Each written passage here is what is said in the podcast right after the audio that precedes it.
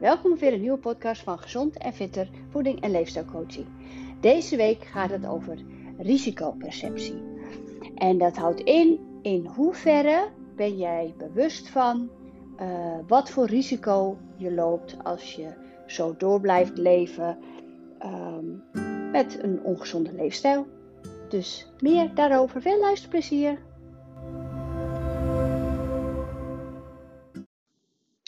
Oké, toen ik net startte met de opleiding uh, leefstijlcoach, um, ja, dan leer je natuurlijk heel veel over gesprekstechnieken, over uh, hoe je iemand kan motiveren, hoe je naar iemand kan luisteren, hoe, hoe, hoe uh, iemand erin staat qua gedrag. Nou, en nog heel veel meer. Heel interessant. Heel veel van geleerd. Um, stap 1 is bijna ook altijd echt wel de belangrijkste stap wat ik geleerd heb en wat ik ook toepas in mijn praktijk. En de meeste cliënten die bij mij komen weten dat wel, maar toch is het even belangrijk om hier uh, het over te hebben via de podcast. Um, en dat is, en dan hoop ik ook dat jullie daar voor jezelf ook nog even over na gaan denken. En het helpt ook qua motivatie. Dus zelf um, risicoperceptie. Wat is dat? Wat bedoel ik daarmee? Daar bedoel ik mee, simpel gezegd, hoe ziet het eruit als jij je leefstijl die je nu hebt, waarschijnlijk, dat weet ik niet, maar daar ga ik even vanuit. Uh, doe je ongezonde dingen of beweeg je niet of slaap je slecht of heb je veel stress? Nou, in ieder geval alles of heel veel van het een of heel veel van het ander. Hoe ziet het eruit als je zo doorgaat? Wat kan er dan gebeuren? En ik ben geen doemscenario denker, daar hou ik op zich niet van. Maar het is wel belangrijk om voor jezelf inzichtelijk te maken. hey, uh, bijvoorbeeld, ik ben zoveel kilo aangekomen en uh, je wil afvallen. Nou, dan, dan wil je afvallen omdat je een bepaalde broek wil, wil passen. Of omdat je je daar lekkerder bij voelt. En omdat je dan fitter bent. Maar is dat de juiste motivatie? Is dat, uh, komt die goed binnen? Ben je je daarvan bewust dat je, als je dat allemaal gaat aanpassen, je dan fitter voelt en uh, die broek weer past en je lekkerder voelt? Of ben je dat morgen alweer vergeten? Um, en dat is vaak het geval, dat als je dan op een bepaalde situatie zit met een gebakje of een drankje, of uh, dat je denkt ik ga niet sporten, dan ben je je doel alweer een beetje vergeten. Um, vaak maakt het wel indruk en is het ook wel heel goed om te weten wat kan er gebeuren als je zo doorgaat. Dus dan blijf je waarschijnlijk aankomen. Als je zo doorgaat, blijf je aankomen en dan word je al zwaarder. En dan? Hoe ziet het eruit over uh, twee jaar? je, hoeveel ben je nu aangekomen in de afgelopen jaar? Dan komt er dus, als je zo doorgaat, komt er nog zoveel kilo bij in het aankomende jaar. ben je dan misschien al wel obesitas? Ik weet het niet. Hogere BMI van 25. Wat gebeurt er dan? Waarom is dat zo belangrijk dat je niet de hogere BMI mag hebben als 25? wat, zijn de, wat zijn de risico's als je dan zo doorgaat? Nou, bijvoorbeeld uh, hart- en vaatziektes, diabetici, beroertes. Um, hormonaal kan er van alles misgaan, want je, je organen, hè, als je heel veel buikvet hebt, visceraal vet, komen in de verdrukking. Dus um, hormonaal is dat ook uh, een groot risico. Wat gebeurt er namelijk hormonaal als je een heel hoog visceraal vet hebt of gewoon totaal hoog BMI? Veel vetpercentage zorgt voor nog meer klachten en nog meer vetpercentage. Want ze, en ook als je heel veel stress hebt, uh, vetcellen die rondom je organen zitten in je buik, inwendig, visceraal vet, trekt cortisol aan. Zijn heel erg gevoelig voor cortisol. En als je heel veel stress hebt, maak je, of een druk leven hebt, maak je veel cortisol aan.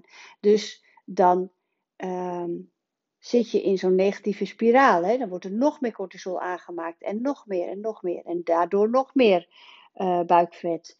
En um, daardoor nog meer uh, oestrogeen, omdat je lijf gaat dat meer aanmaken met meer vet. Um, insulineresistentie, dus diabetes. Ehm, nou ja, uiteindelijk uh, word je er ook niet vrolijker van. Je wordt er uh, al verdrietiger van. Je bent niet nog minder fit in je lijf, waardoor je niet kan gaan sporten omdat je je niet lekker voelt.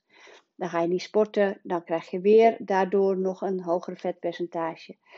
Nou ja, ik, uh, dit is geen, uh, nogmaals geen doemscenario podcast, maar ik wil jullie er wel van bewust maken voor je eigen risicoperceptie. En dat hoeft niet meteen zo zwaar te denken, maar wel dat je ziet van hé, hey, maak het eens erger voor jezelf, zodat je ziet van nou, ik, er moet iets gebeuren, ik moet veranderen. Uh, stap voor stap, want dat hoeft niet in één keer alles rigoureus om te schuiven. Maar ga, ga eens kijken, wat gebeurt er als je zo doorgaat? Dat wilde ik toch even te sprake uh, maar, nou ja, een podcast over maken. En tuurlijk ga ik ook wel eens kijken met mensen van oké, uh, waar, naar welk gewicht zou je toe willen? Heb je dat wel eens gewogen? En dan ga je daar ook eens aan denken. Aan dat moment, hoe je je toen voelde, wat je toen woog, hoe je eruit zag, dat. Overigens vind ik het wel heel belangrijk om niet te veel naar uiterlijk en uh, welke kledingmaat je past en uh, buitenwereld. Het gaat vooral om hoe je zelf in je vel zit. dus stel je gaat beginnen en je bent een, een, kilo of twee, drie afgevallen, kan je al stukken beter voelen. En dat kan al een goede motivatie zijn om door te gaan. Dat kan al zeggen van oké, ik, ik voel me nu al zo goed. Nou, het zal er zijn als, ik, als, die, als die andere, als ik niet meer in die gevarenzone zit. Daar gaat het dus nu even om, hè? In die gevarenzone zitten. Um, ook hormonaal had ik net al gezegd, uh, hoe, hoe minder vetpercentage, hoe minder klachten. Hoe fitter je je voelt, hoe minder klachten, ook hormonaal. Um, dat is dan een voorbeeld voor iemand die af wil vallen. Stel nou dat je helemaal nooit sport. Je zou wat meer aan beweging moeten doen. Dat is goed voor je gezondheid. Nou ja, goed. Je, heel veel, kom heel veel cliënten tegen die vinden sporten niet leuk. Dat kan. Ga kijken, wat gebeurt er als je zo doorgaat? Op een gegeven moment worden we wat ouder. En dan krijgen we, ik heb er ook last van. Ik heb nou weer zomaar last van mijn knie. Je krijgt van die kleine, van die kleine, ja, mankementjes. Dat is het een beetje. Tot nu is het nog een mankementje. Dus je schouders zijn wat strammer. Als je je trui s'avonds uittrekt, dat je denkt: Oh, ik kreeg amper mijn armen over elkaar. Uh, sneller last van je nek, langer last van je nek, want je herstelt minder lang, minder snel. Um, rugpijnen, nou, knieën gaan zeer doen, ook met overgewicht natuurlijk, maar ook doordat je te weinig beweegt. Dus gaat over bewegen. Wat is een risicoperceptie? Als je nooit beweegt. Ja, je, je bloedsomloop gaat niet stromen, stroomt te weinig. Allerlei organen gaan dan niet aan het werk. Je gewrichten worden al strammer. Um, ja, ik zeg, zeg stil, stilstaan is vastroesten. Zo is het eigenlijk wel een beetje. En hoe ouder je wordt, hoe, hoe um, erger dat wordt. Dus um, ja, dus nogmaals voor jezelf. Kijk even als jij zo doorgaat hoe je nu do doet. Wat zijn de risico's? Um, hoe zal je je voelen over een jaar? Nou, als je niks verandert, wordt het er niet beter op. En dan hoop ik dat je toch een beetje denkt aan iets, iets zwartgalliger, zodat het toch tot je doordringt van nee, eh, het is toch wel handig als je wat gaat doen. En dan weer Ga niet meteen als een malle vijf keer naar de sportschool. Ga het rustig opbouwen. Ga kijken wat vind je leuk om te doen. Desnoods start je met wandelen als je nooit wandelt. Kijk, ga je iedere dag een rondje om met de hond, dan ga je een andere bewegingsvorm zoeken. Hè? Dus kijk vooral naar jezelf. Laat je niet gek maken door anderen, door vrienden, door die. Ieder lijf is anders. En dan ga je misschien een sport doen die je dus weer niet leuk vindt. Wat vond je vroeger leuk qua beweging? Dat soort dingen. Um, even over de alcohol. eh, ik ben echt niet zo van, oh, je moet helemaal nooit meer drinken. Natuurlijk is alcohol helemaal niet gezond. Het voegt niks toe. Los van dat het wel lekker is en dat, het, dat je er wat gezelliger van wordt. Maar dat hoeft ook niet zo te zijn. Ehm, nou, ook dat weer. Stel je wil minder drinken, maar dat lukt niet. Ga eens kijken. Hè, hoe voel je je na zo'n weekend met drankjes? Ja, sommigen, heel, ik heb nergens last van. Maar echt, is eerlijk, eerlijk. Hoe word je wakker s'morgens? Hoe lang duurt het voordat je weer een beetje halverwege dacht van, nou oké, ik ben er weer. Alcohol heeft B-vitamines vitamines nodig om, om verwerkt te worden door je lijf. En uh, pak je B1, volgens mij. En B1 is voor de energieverdeling. Dus het kan niet anders dat je uiteindelijk een soort van roofbouw op je lichaam pleegt. En tuurlijk af en toe een wijntje. Maar wat is af en toe, hè? Is dat vanaf donderdag, vrijdag, zaterdag, zondag iedere dag één of twee glazen. Dat is al heel veel. Dus um, je hoeft niet helemaal te stoppen en nooit geen alcohol meer te drinken. Maar ja, ik had een heel mooi voorbeeld van uh, mevrouw Labé. Ook een uh, professional, gezondheidsprofessional. En die zei, ja, we proosten vaak met een alcohol proosten we op het leven, gezondheid, proost op het leven. En dan neem je alcohol, waardoor je dus eigenlijk iets naar binnen gooit wat niet zo goed voor je is. Maar goed, dat, dat uh, is misschien te negatief. Um, wat zal er gebeuren als jij zo doorgaat met misschien te veel alcohol drinken? Dat kan ik nu niet zeggen, maar dat, uh, sta er even bij stil. Hè? Ga je je daar fitter bij voelen? kom je dan niet nog meer in die negatieve spiraal van, uh, uh, ja, negatieve spiraal van, uh, doordat je als je te veel gedronken hebt en dan de volgende ochtend ben je wat moeier. Je hebt vaak ook katterig, je hebt wat vettige trek, je hebt wat zoete trek, dus dan ga je dat ook weer eten. Dus je komt in een negatieve spiraal. Je komt in een, en dan s'avonds denk je, nou ik neem nog één, morgen neem ik niks. De volgende week ga ik minder drinken. Nou ja, dat. En diep in je hart zou je minder willen drinken. Maar uh, hoe weet je misschien nog niet of... Um, ik ga nu nog even een klein stukje vertellen over de factoren die invloed hebben over ons gedrag. En hopelijk, als je dus dit allemaal hoort en dan toch weer gaat kijken voor jezelf: oké, wat kan er gebeuren? En niet van, oh, dan pas ik die broek niet meer, want dan denken we op een gegeven moment: nou ja, dan koop ik een grotere broek. Hè? Hoe, wat erg, hoe erg is het? Nee, je kan echt van ongezond leven op lange termijn. En lange termijn, daar moeten we echt aan denken. Dat kan ook zomaar volgend jaar of over twee jaar zijn. Je kan er ook zelfs kanker van krijgen. Dat is ook echt bewezen. Dus natuurlijk eh, zijn er mensen die heel gezond leefden die ook kanker kregen. Maar is dat dan een reden? Zo van ja, maar uh, uh, mijn oom rookte tot zijn tachtigste en die heeft nooit longkanker gehad. Dus moeten we dan allemaal maar gaan roken. Je, je hebt natuurlijk uitzonderingen op de regel. Ehm, dat, ja, daar ga ik maar niet. Dan hebben we welke factoren hebben invloed op gedrag? Nou, ten eerste heb je vaak weerstand. Weerstand is een heel sterk motief om gedrag niet te vertonen. Hè? Dus uh, mensen voelen zich gedwongen tot verandering en dan ga je je verzetten. Verzetten zich om het gevoel hè, van, van controle weer terug te krijgen. Je hebt mensen die zijn heel sceptisch. Die zijn, die zijn niet overtuigd wat het nut is van verandering. Of uh, vertrouwen de, de afzender niet. Die denken, nee hoor, dat zal, zo, dat zal wel niet. Dat zal mij niet overkomen. Of dat, dat joh, ik leef nu. Hè, dat is ook zo mooi. Ik leef nu, dus ga nu lekker door daarmee. Um, dat is een vorm van weerstand. En je hebt uh, passieve mensen omdat interesse in verandering ontbreekt of ze zien er tegenop. Dus dat kan nog. Hè? Dus zit jij in die fase van weerstand, ga dan nog niet veranderen. Want dat heeft geen nut. Ga dan nog steeds kijken van oké, hoe kan je, waar komt die weerstand vandaan? Of waar komt dat, dat sceptisch? Ga uitzoeken, ga kijken. Hoe, wat ben je mee bezig? Wat kan daarvoor zorgen? Nou ja, nogmaals, ik niet te veel uh, herhalen. Zelfbeeld, het beeld dat we van onszelf hebben is vaak onbelangrijk, hè? maar het is wel heel belangrijk bepalen van je gedrag. En dat hangt heel nauw samen met je waarden. de waardes waar jij achter staat in je leven. En uh, wanneer je gedrag in hetzelfde lijn ligt als je zelfbeeld, dan ben je eerder hè, intrinsiek gemotiveerd, heet dat. Dus dan ben je eerder, uh, heb je eerder het gevoel dat je wil veranderen. En intrinsiek is, daar bedoel ik gevoel mee. Hè? Dus dat is een, een, maat, kledingmaat is nog niet echt een gevoel.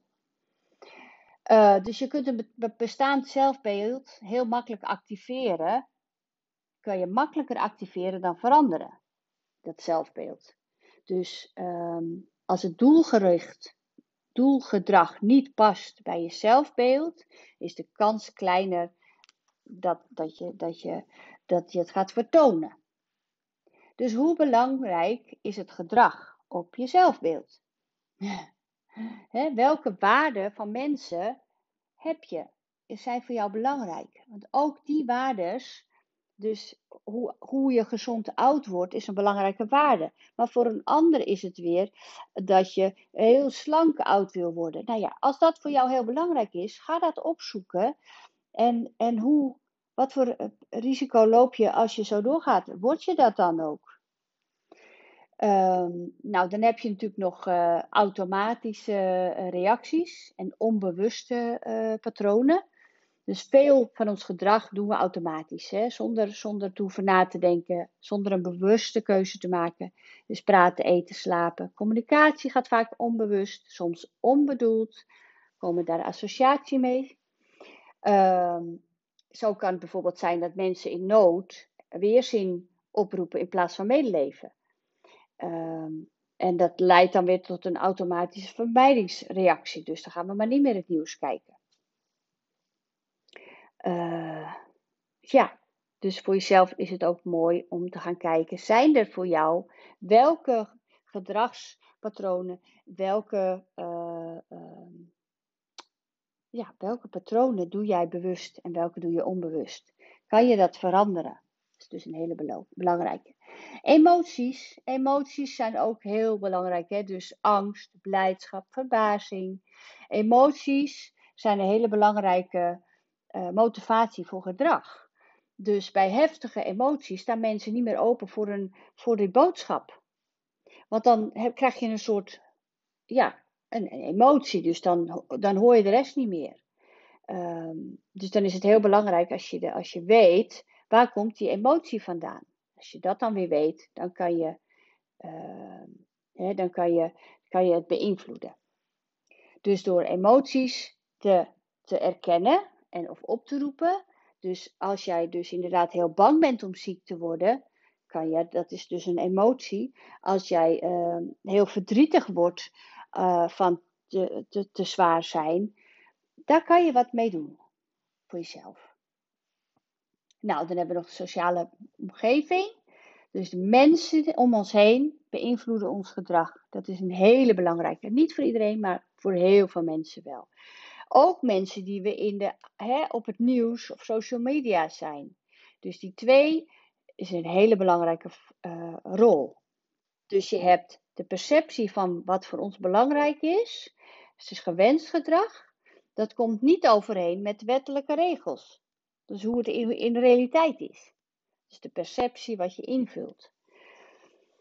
En ook van wat andere mensen doen. Ja, maar bij Pietje lukt het wel. Of Pietje wordt daar niet zwaar van. Of, uh, nou ja, weet je. Kijk naar jezelf. En probeer je niet um, mee te laten sleuren. Ja, dan heb je dat weekend gedronken. Kijk maar eens. Het is vaak omdat je van visite hebt, omdat je uit eten gaat, omdat uh, dat, dat uh, naast je zegt, we doen niet zo ongezellig. Dus die sociale druk is heel belangrijk, ook in het negatieve. En ook weer, ga kijken, hoe komt, wat gebeurt er als ik hiermee doorga? Wat gebeurt er als ik die sociale druk zo belangrijk laat, blijf laten vinden?